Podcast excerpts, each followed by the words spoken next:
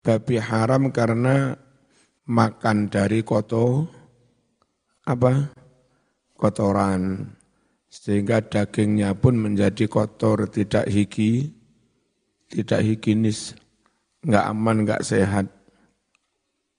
Wali anna fihi dororon dan karena di dalam daging babi terhadap terdapat bahaya faqad iktasafa benar-benar telah mengungkap, menemukan al-atibba'u para dokter anna lahmal khinzir yahmilu jarosima syadidatal fatki.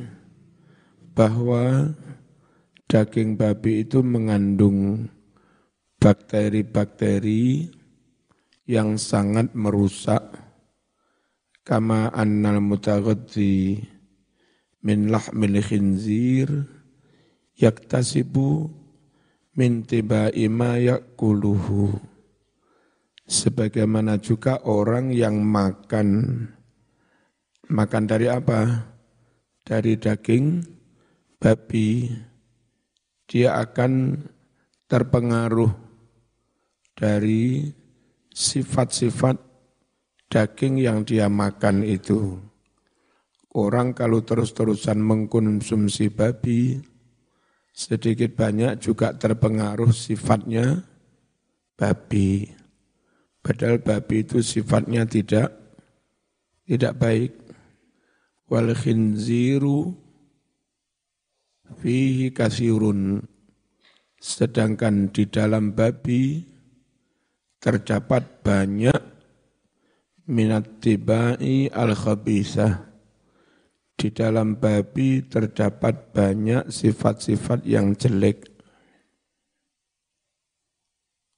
Wa asharuha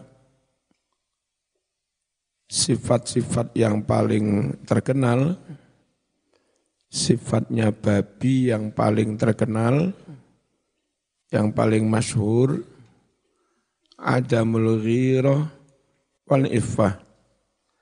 Tidak punya rasa cemburu. Namanya babi. Jantannya babi itu kumpul dengan betina-betina banyak. Di depan betina yang lain ngumpuli betina yang lain itu di kalangan babi biasa enggak ada cem apa nggak ada sifat cemburu. Wal iffah dan tidak punya rasa iffah. Tidak menjaga kehormatan. Namanya juga babi. Yaqulu syahidul islam Said Qutub alaihi rahmatullah syahidul islam yang bernama Said Qutub mengatakan fi tafsirihi di dalam kitab tafsirnya Zilalil Quran fi Zilalil Quran. Apa dia katakan? Manasuhu sesuatu yang teksnya seperti ini. Wal khinziru bidzatihi munaffirun litab'in nadhif al-qawim. Daging babi itu pada dasarnya tidak disukai oleh orang yang punya tabiat yang baik-baik, yang bersih, al-qawim yang normal, lurus-lurus. Kalau mau normal-normal, sebetulnya orang yang baik normal tidak akan suka daging babi menolak melihat kehidupannya. Teman kalau melihat kandang babi uh, masya Allah. Masih mau pakai taekmu ya gelem. Itu ba ba babi.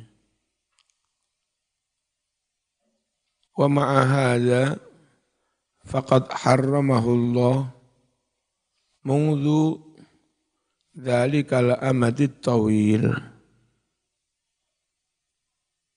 Di samping itu Allah mengharamkan babi sejak zaman yang lama. Dari sekarang terhitung 1444 tahun yang lalu.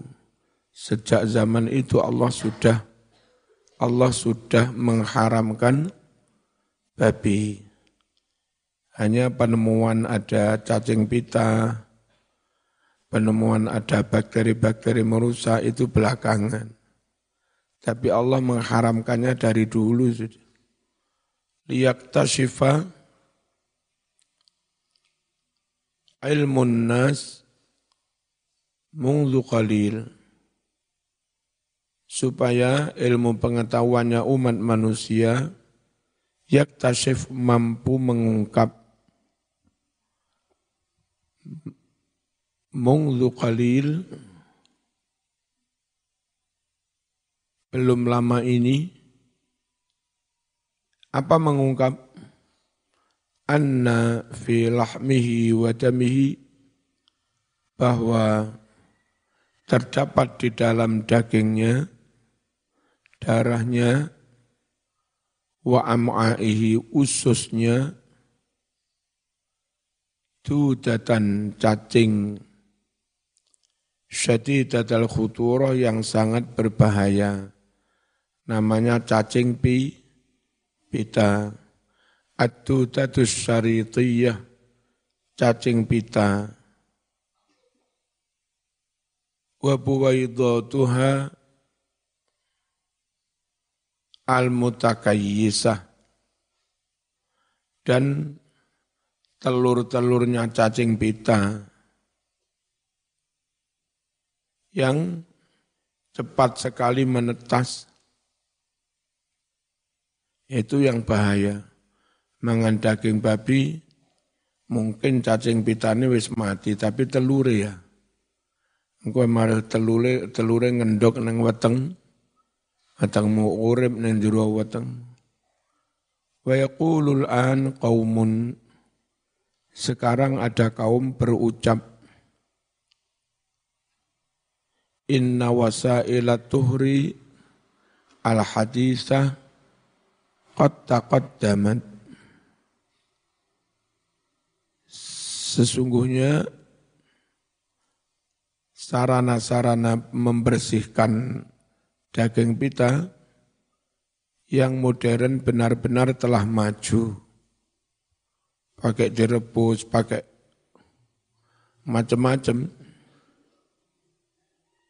Falam ta'ud hadhihi tidan karena banyak alat-alat untuk membersihkan cacing pita ya. Maka kaum itu tidak menganggap cacing-cacing pita dan telurnya sebagai sumber bahaya. Masdar khotor lianna ibadataha madmunatun karena menghancurkan cacing pita itu madmunatun bisa dijamin. Untuk masa modern katanya nggak apa-apa ngonsumsi daging babi. Karena bisa daging babi maaf cacing pitanya di apa dimatikan dihan dihancurkan. Bil hararatil aliyah dengan suhu yang sangat ting, tinggi. Apa kalau direbus itu berapa suhunya sampai umum itu Hah? 100 digoreng ya sampai 700. Bisa itu dimatikan, jamin apa? Dengan suhu yang sangat panas. Suhu panas yang sangat tinggi. Allah itu wafiruha yang bisa memenuhi suhu panas itu. Wasailu tuhril hadis. Alat-alat sarana alat cuci modern. Tapi wayan sahaula anna ilmahum qad ihtaja ila qurunin tawilah. Mereka umat manusia itu lupa bahwa ilmu mereka yang kayak begini itu butuh berabad-abad sekedar untuk menemukan satu penyakit saja nggak bisa diandalkan peralatan modern. Wong sekedar untuk menemukan satu saja butuh waktu lah, lama. Famang dzalladzi yajzim bi an laisa hunaka afatin ukhra. Lalu siapa orang yang bisa menjamin, memastikan bahwa di sana tidak ada penyakit yang lain. Jangan-jangan ditemukan alat untuk membunuh cacing pita, eh telurnya masih bisa menet, menetas.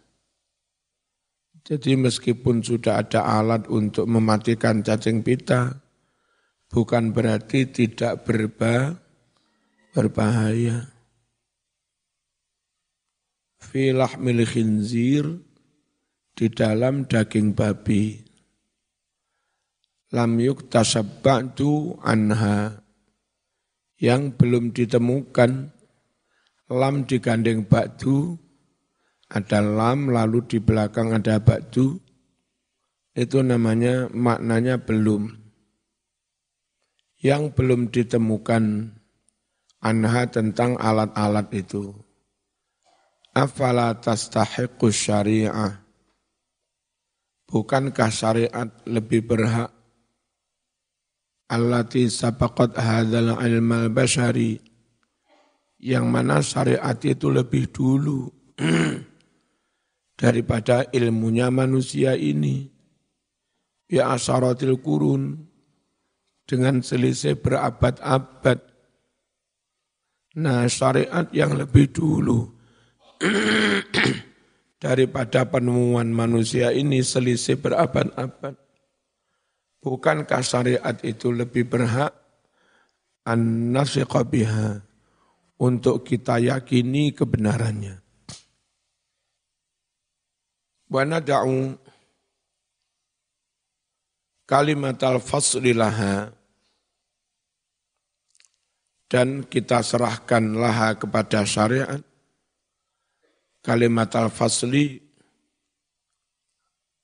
putusannya, putusan boleh dikonsumsi apa enggak, jangan kembali kepada ilmu, tapi kembalilah kepada syari, syari, syariat. Kita serahkan aja pada syariat. Sebab ilmu juga terus berkembang. Jangan-jangan yang itu kadung dipercaya ternyata sah, salah ada penemuan baru.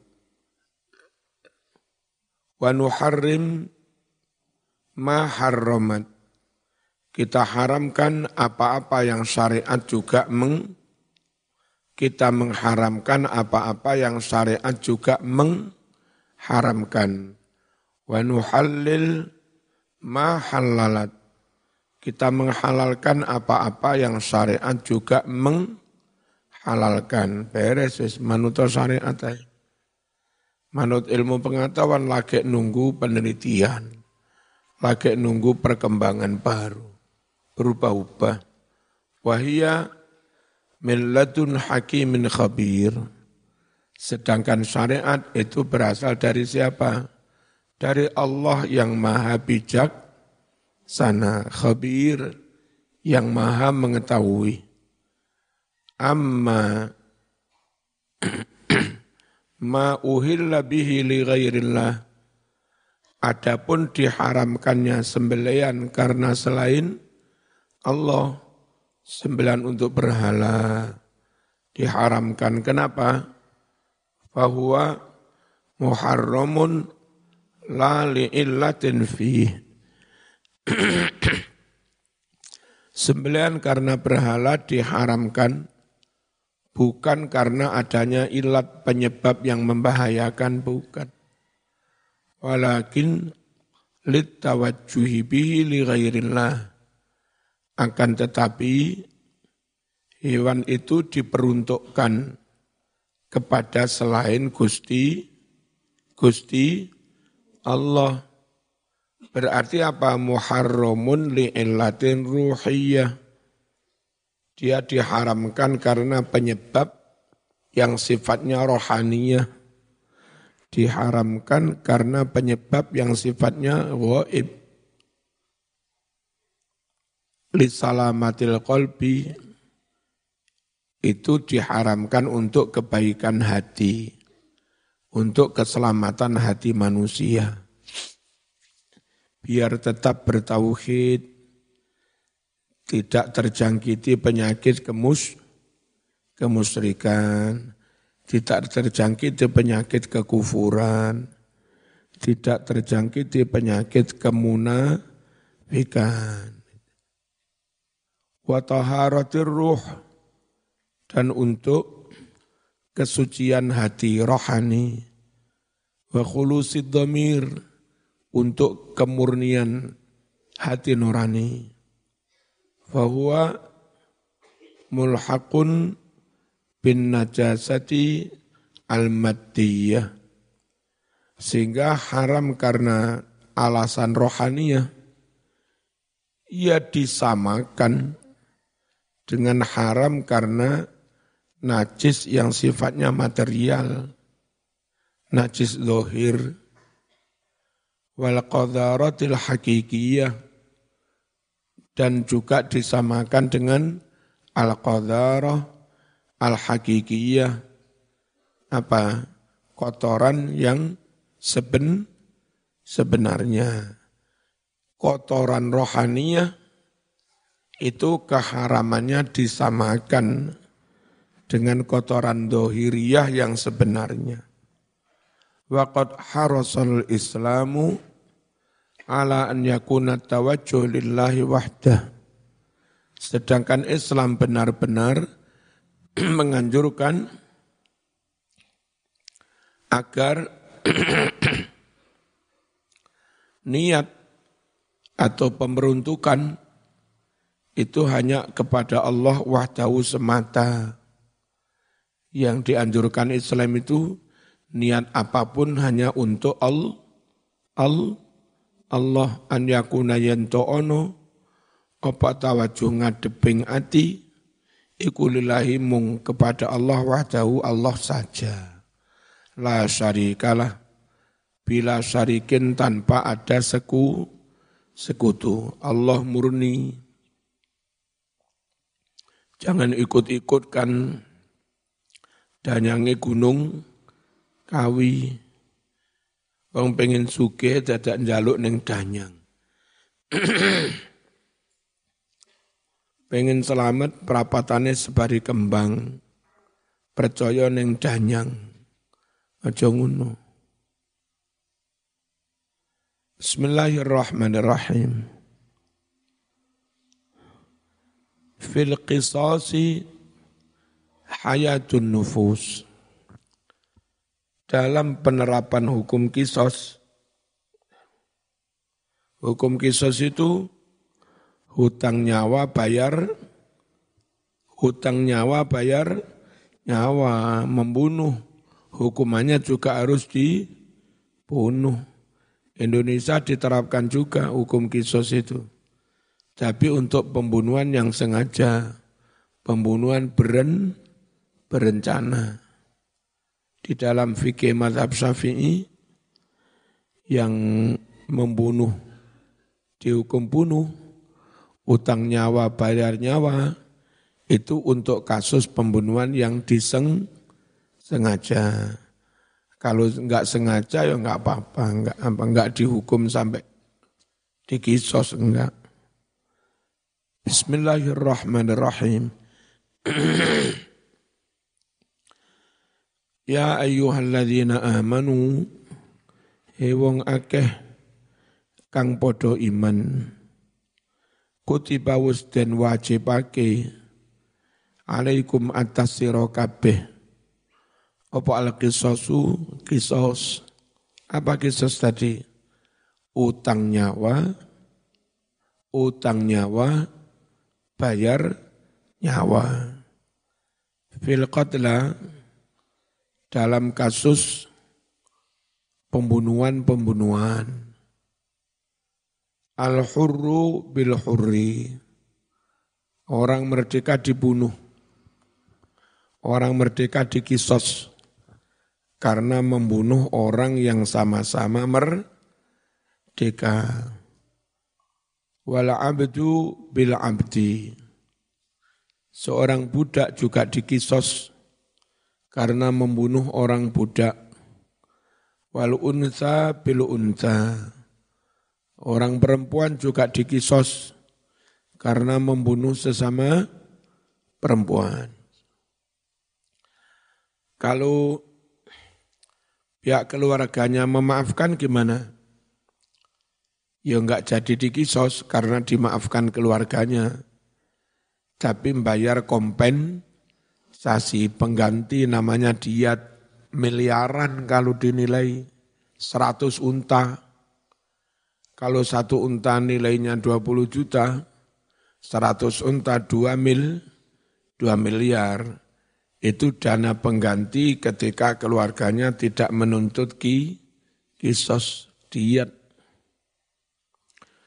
Faman ufiya lahu min akhihi syai'un maka barang siapa mendapat maaf dari saudaranya keluarganya tidak menuntut bunuh tapi minta uang pengganti syai'un sedikit fattiba'um bil ma'ruf maka permintaan damai itu wajib diikuti hakimnya kalau keluarganya mboten pun kula mboten nuntut damai. Hakimnya penegak hukum jangan ngototai menjatuhkan vonis ki kisos. Ikuti aja permintaan keluarga itu. Oke, Anda enggak dikisos tapi bayar uang pengganti. Ya, 2 miliar. Bisa lebih, kami enggak tahu harga unta itu berapa. Kalau disamakan dengan sapi limusin, yang kayak kadang dalam kurban itu sekitar 40 juta. Kali 100. Piro? Oke mas. Total kuburan.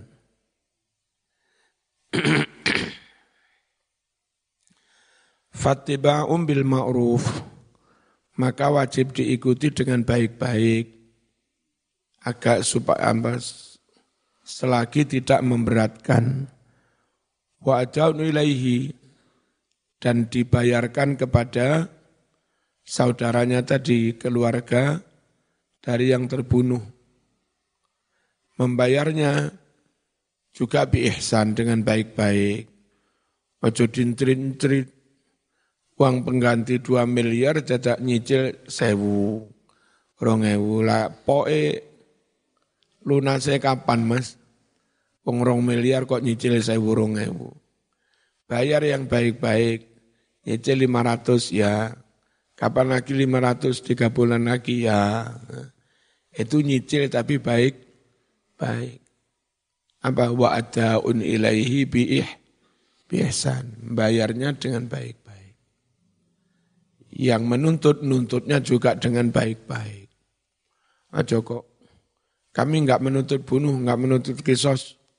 Tapi itu sawah lima hektar itu tak ambil. Istrimu tak ambil. Ini nakalan ini, nuntut tapi enggak baik-baik. Ya. Baiklah, fattiba'um bil ma'ruf wa adaun ilaihi biasan. Jadi sama-sama kooperatif. Dzalika takhfifun itulah rukhsah dispensasi hukum, namanya diskresi. Tidak dihukum dengan semestinya, tapi diberi keringanan karena pertimbangan situasi. Ya, termasuk karena mendapat maaf dari keluarga terbu terbunuh. Tuh. Ngerti ya? Itu. Biasa ada diskresi, ada keringanan. Menimbang situasi. Ada ibu masih menyusui anak, terus kena kasus di penjara. Kalau di penjara ibunya anak eneng lah sopo sing nyusoni. Kalau anaknya ikut di penjara, anak gak salah kok katut neng penjara. Oke, dihukum tapi apa? Hukuman kota nggak boleh ke mana-mana. Kalau mau keluar kota harus mengajukan i izin. Ya tetap di rumah tapi dikurung nggak boleh ke mana-mana. Paling boleh kerja dekat-dekat. Gitu. Itu diberi keringanan itu istilah hukum namanya diskre, diskresi. Itulah keringanan dari Allah Tuhanmu. Takhfifum min rabbikum. Warahmah. Dan itu juga kasih sayang Allah. Kalau kereng-kerengan, nyawa, hutang, apa hutang nyawa, bayar nyawa. Repotnya Saudi itu menerapkan hukum kisos itu bukan karena eh, di kisos bukan karena pembunuhan berencana sengaja. Jadi TKW terpaksa membunuh majikan karena kedaruratan dia diancam bunuh. TKW-nya juga di kisos, repot Saudi. Padahal hadisnya hadis Bukhari. Dirinci amdan sengaja atau khotok enggak sengaja ya atau sibu amdin semi-semi setengah sengaja setengah enggak Sengaja itu memang dipersiapkan dari awal bahwa pistol begitu ketemu dar itu itu utang nyawa bayar nyawa. Yang enggak sengaja itu supir. Supir melaku seket suita kan biasa. Tahu-tahu ana wong ama nyebrang nyelonong enggak nolah-noleh kacek sak meter. Lah piye ngerimi Mas? kacek sak meter, berak. Itu enggak sengaja sama sekali supirnya. Enggak enggak disebut utang nyawa. Ya. Enggak bisa dijatuhkan ki kisos. Ya paling ganti rugi duit. Nah, gitu. Kayak tadi malam ada anak mabuk itu dari Kasembon. Numpak peda wis oling. Ini, ini, ini. Terus nyalip straight. Nyalip enggak perhitungan, niku, tikuan nyalip straight. Kira-kira tiga kilo dari begini-begini tadi. Ternyata wis ngeletak nih. Jalan dua arahnya enggak karu-karuan, mati kayaknya. Mabuk dia, mendem. Nah, terus ada elep di situ. Bisa jadi dia motong elep atau begini-begini saya nggak nggak sadar nabrak helm terus dia nggak nggak eleman. Nah kayak begitu kalau kalau super elopnya di, di kisos kan yo aneh ya.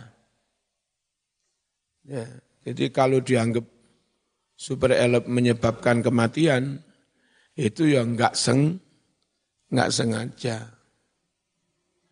Lalu yang namanya semi-semi, semi sengaja, semi enggak. Mukulnya sengaja, tapi bunuhnya enggak sengaja. Apa? Misalnya tak tinju, peng papat, peng limo. Umumnya orang di kampleng peng limo ikan kemeng tok gak mati. Sehingga ngamplengnya saya sengaja. Tapi kan nggak sengaja membunuh wong mekur di kampleng. Orang tak bacok. Ini namanya semi-semi. Sibhu amdin. Tidak bisa dijatuhi hukum ki kisos. Ada yang hadar. Hadar itu nggak ada hukumnya. Meskipun sampai mati. Konco mau ilikidik moro-moro mati. Ya nggak ada hukumnya meskipun mati. Kamu kena kisos ngilikidik. Ngilikidiknya sengaja dan nggak ada, nggak usum orang mati karena di idik-idik. Ya. Dipendelengi mati. Itu nggak ada hukumnya, hadar. Nah. Pancen wayai mati. Ono mbak-mbak nggak jilbab abang di sawang mas-mas moro-moro mati. Ternyata mas-mas ini pernah patah hati. Mbien pacare jilbab suka pakai jilbab merah, lek nyawang mbak-mbak jilbab merah kelingan pacare. Ya. Akhirnya teng teng teng, teng mati. Ya enggak ada hukumnya, Mas. Enggak enggak kena jeratan hukum sama sekali. Si pemakai jilbab merah itu. Bismillahirrahmanirrahim. Keringanan hukum itu adalah bukti kalau Allah itu rahmah, rahim, rahman, rahim, kasih, sayang. Faman ya'tada ba'da dzalika barang siapa melanggar hukum setelah ketentuan itu sudah diberi hukum yang boleh dimaafkan macam-macam sudah dimaafkan kok tetap dijatuhi hukum kisos. Itu namanya pelanggaran. Perjanjian wis bayar 2 miliar wis gak nuntut. Tetap besok-besok si nun nuntut. Bayar penegak hukum sing sak miliar cepek sak miliar nggih bayari penegak. Akhirnya kene tetap dibunuh, tetap dikisos. Itu namanya iktada pelanggar pelanggaran. Wes mari oke perjanjian damai bermaterai si pelanggaran. Ya. Ya gimana? Falahu azabun alim. Maka baginya azab yang pedih, menyakitkan. Terus kalau hukum kisos diterapkan, itu malah, malah semakin banyak pembunuhan, apa semakin mengurangi pembunuhan. Kalau menurut Islam dengan penerapan hukum kisos, itu diharapkan pembunuhan semakin berku, berkurang. Sebab orang yang akan membunuh pikir-pikir, nanti saya juga kena bu, bunuh, saya kena kisos. Nah sejatinya hukum kisos itu kayak kayak berat membunuh nyawa, membunuh orang. Tapi itu dalam rangka eh, menjamin supaya masyarakat lain nggak terbunuh. Kalau nggak ada hukum kisos, carok, nanti anaknya balas dendam ganti nyarok. Besok cucunya yang sana balas dendam ganti nyarok. Nggak mari-mari mas sampai berabad-abad turun temurun. Makanya perlu dihentikan dengan hukum kisos. Walakum fil qisasi hayatun. Walakum fil kisos dalam penerapan hukum kisos hayatun justru menjamin ketenangan hidup lakum bagimu. Orang nggak khawatir dibunuh, ke mana-mana aman. Karena orang yang akan membunuh pikir-pikir kalau ada hukum ki kisos. Ya ulil albab. Wahai orang-orang yang berakal sehat. La'allakum tattaqun. Kenapa perlu diterapkan hukum kisos? La'alakum agar kalian semua tatakun menghindari menghindari apa? Pembu pembunuhan. Kayak begini aja dimaknai agar kamu bertakwa lain mas. Tatakun itu menjauhi menghindari. Agar kamu menghindari pem, pembunuhan. Dah. Kita tetap memegangi syariat Islam dan yakinlah syariat Islam itu yang paling ben, benar. Cuma dalam masalah yang sifatnya teknis, ya nggak apa-apa menyesuaikan dengan dunia modern. Kalau Arab membunuhnya masih kayak zaman dulu, penggal. Hanya karakter bangsa Indonesia memenggal lan-lanan terang-terangan ini enggak mentolo. Ya, bagaimana? Si orang yang harus dieksekusi hari ini Senin jam 9 pagi tet orang ini harus ditembak. Tidak dengan cara dibeleh tapi ada regu penembak 10 orang. Dari 10 orang itu semua mengarahkan apa senapan ke situ yang diisi peluru hanya satu. Terus bedil sepuluh itu diacak. Saya petugas tembak ngambil. Nah siapa yang membunuh dari sepuluh itu? Ya nggak tahu. Ini ada yang kosong, ada yang terisi peluru. Nah tentara-tentara regu penembak itu nggak tahu siapa yang apa bedilnya ada ada peluru. Itu untuk mengurangi beban ini mas, beban mental. Sebab terang-terangan beleh, bengi, uh, arep turu kelop. Nah, jadi sama di sana menerapkan hukum Islam, kisos, Indonesia juga sama. Hanya menghilangkan nyawa Indonesia lebih hati-hati.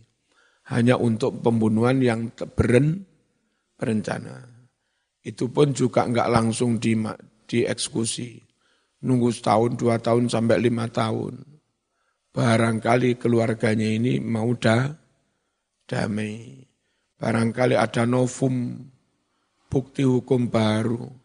Ternyata dia difitnah Indonesia hati-hati mas, menghilangkan nyawa. Arab saiki vonis menit ini. Ternyata saksinya pal palsu. Datang ke rumah, mohon maaf. Ini kemarin kami menyampaikan kesaksian palsu. Jadi kene matamu kadung bojoku ditembak. Maaf-maaf tiba saksi palsu. Nah Indonesia itu antisipasi barangkali ada kayak begitu-begitu. Wis difonis, fonis mati. Itu melaksanakan nembaknya masih beberapa tahun. Saking lek berhati hati. Ngerti? Insya Allah Indonesia lebih soft. Syariat kita laksanakan, kisos kita laksanakan, tapi lebih hati-hati. Terus potong tangan gimana? Eh, potong tangan itu kadang tapi Allah alam bisa dimaknai eh, bukan potong tangan secara dohir, tapi orang itu eh, diputus apa? Misalnya PNS dipecat, pegawai BUMN dipecat. Terus dipen, difonis, dipenjara, dipecat. Nah, kayak begitu itu ada yang mengatakan secara maknawi sebetulnya orang itu juga dipotong tangannya, dipotong tangan untuk mencari riz, rizki. Enggak ada niatan bangsa Indonesia Muslim Enggak ada niatan dari kiai-kiai untuk menentang syari, Syariat tidak ada. Maunya kita syariat kita laksanakan, perintah Quran Sunnah kita laksanakan, hanya untuk masalah teknis, itu menyesuaikan perkembangan peradaban. Disesuaikan dengan peradaban dan budaya Indo, Indonesia. Sama aja. Substansinya kita makan halal. Yang kita makan halal kok. Ayam, segala macam. Kita enggak, enggak makan babi. Kalau supaya halal harus disembelih, Muslim Indonesia makan ayam juga disembelih pakai bismillah. Prinsip prinsip syariat sama halal. Hanya kalau sudah masuk budaya beda. Muslim di Arab ayam mari disembelih dicuci, dioles-olesi minyak samin, panggang, selesai wis. Pangan. Paling karo saus ngono Indonesia ke, ketamonan besan. Mau sugi ayam panggang tok. Utuh. Monggo niki sause jere besan kurang ajar. Indonesia gak nguniku jadi syariat halal haramnya kita pakai. Tapi budaya Indonesia ayam dimasak dulu jadi kare ya. Jadi geprek jadi lodo. Apa mana sing enak mas? Jadi sate. Itu masuk Buddha budaya. Itu loh. Ojo kok diceramah. Zaman Nabi enggak ada sate. Zaman zaman Nabi enggak ada geprek enggak ada lodo ini bid'ah semua ini. Loh masuk masuk masalah teknis kok bid bid'ah. Kita bangsa Indonesia berislam eh, sesuai dengan konteks keindonesiaan tanpa merubah syari, syariat.